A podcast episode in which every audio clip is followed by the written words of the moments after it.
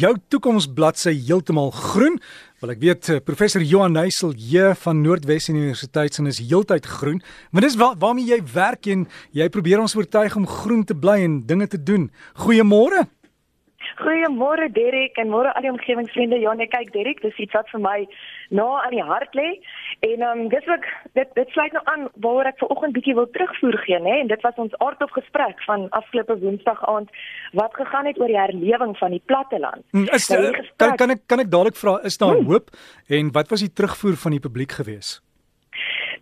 Ek um, ek gaan hom nou hou vir die einde. Jy vat nou my groen gedagte uit my mond uit, maar um, dit was positief, so ek kan dit sê. Ehm, um, maar laat ek nou ja, vir jou so begin. Kabous Meyering het hierdie gesprek gelei, so dit was al klaar vir ons interessant en dit was met persone soos Magda de Tooy van Beyers Monsanto, radioomroeper Pieter Moller, Johan Besaidenhout van NWK, so 'n paar groot rolspelers in ons platteland. En daar was baie opinies gedeel oor die rol van die landbougemeenskappe, maar ook ondernemings, nê, nee, om die platteland weer te laat herleef.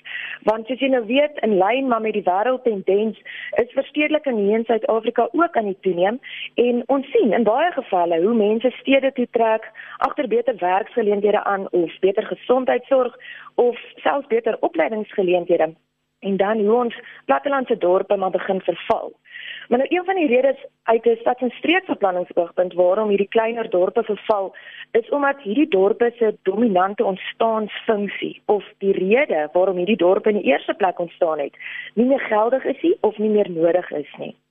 So, as ons bietjie na die teorie kyk, baie van hierdie dorpe het ontstaan as gevolg van hulle sentrale plek funksie. Waar hierdie dorpe dan nou in 'n sentrale ligging ontstaan het en basies 'n diensentrum was vir omliggende plattelandse gemeenskappe.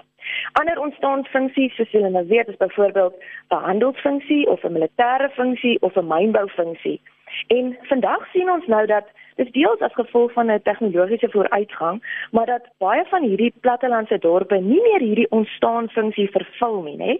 En dit kan nou basies beteken dat hierdie voortbestaan van hierdie dorpies word bevraagteken. So die vraag was gestel, waar begin 'n mens? Hoe laat 'n mens hierdie dorpe weer herleef?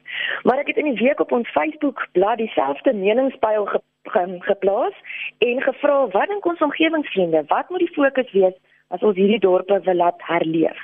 Nou interessant, 20% het gesê ons kort beter plaaslike bestuur.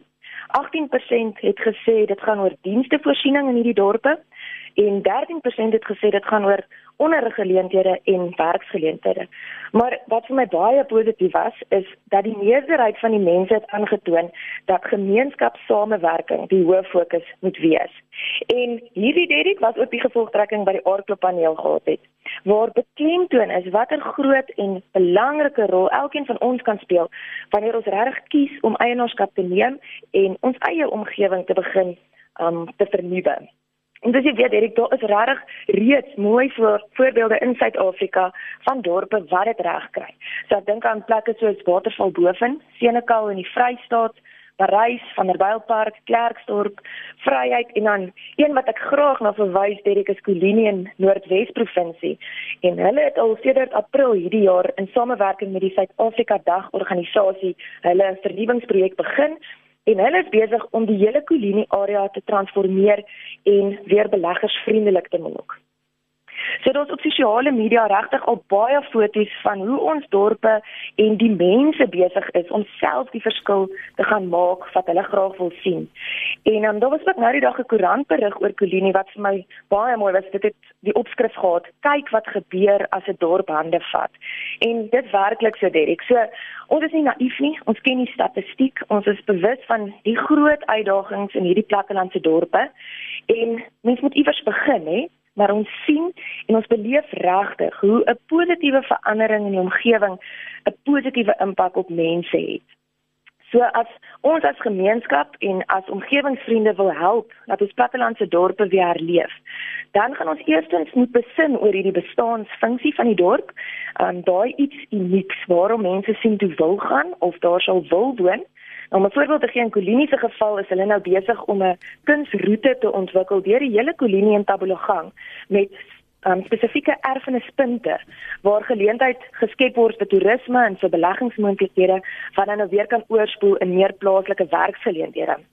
En dan tweedens, daar moet regtig 'n bereidheid wees onder ons plaaslike gemeenskap om hierdie verandering aan die gang te sit en om eienaarskap te neem en self 'n verskil te gaan maak.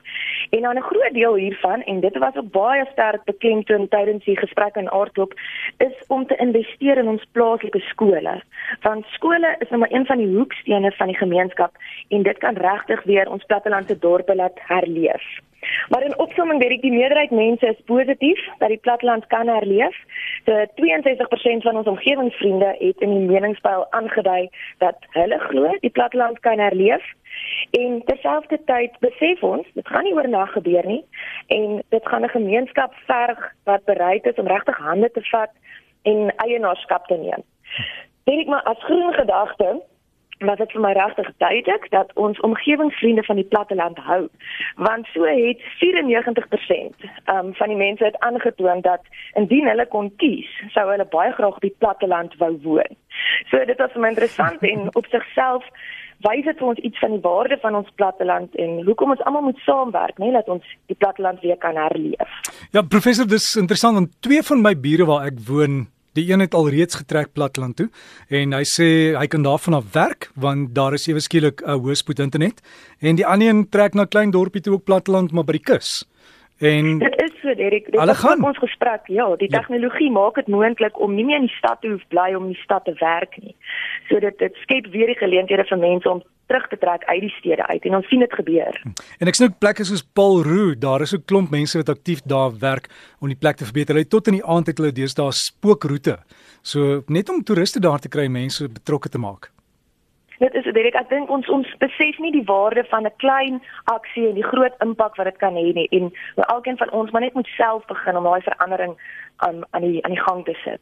So as daar iemand is wat vir ons foto's het, stuur asseblief jou foto's vir ons. Jy kan dit vir my e-pos dbrsg.co.za. Anders uh, professioneel kan seker op julle webtuiste of die die Facebook bladsy ook gaan plaas, né? Nee. Asseblief Derek, daar is reeds 'n paar goeie voorbeelde genoem. Daar is foto's. Ons wil dit probeer bymekaar maak en dan alles in in een plasing sit. En daai Facebook bladsy is omgewingspraatjies, die meervoet meervoet omgewingspraatjies. Gaan nou net van die groep en dan kan jy foto's daar oplaai en dan ook jy kan vir e-pos uh, is omgewingspraatjies by gmail.com. Omgewingspraatjies by gmail.com. Kyk mooi na jou dorp en as jy kan inspring, maak hom sommer nog mooier, dan kom kuier ons.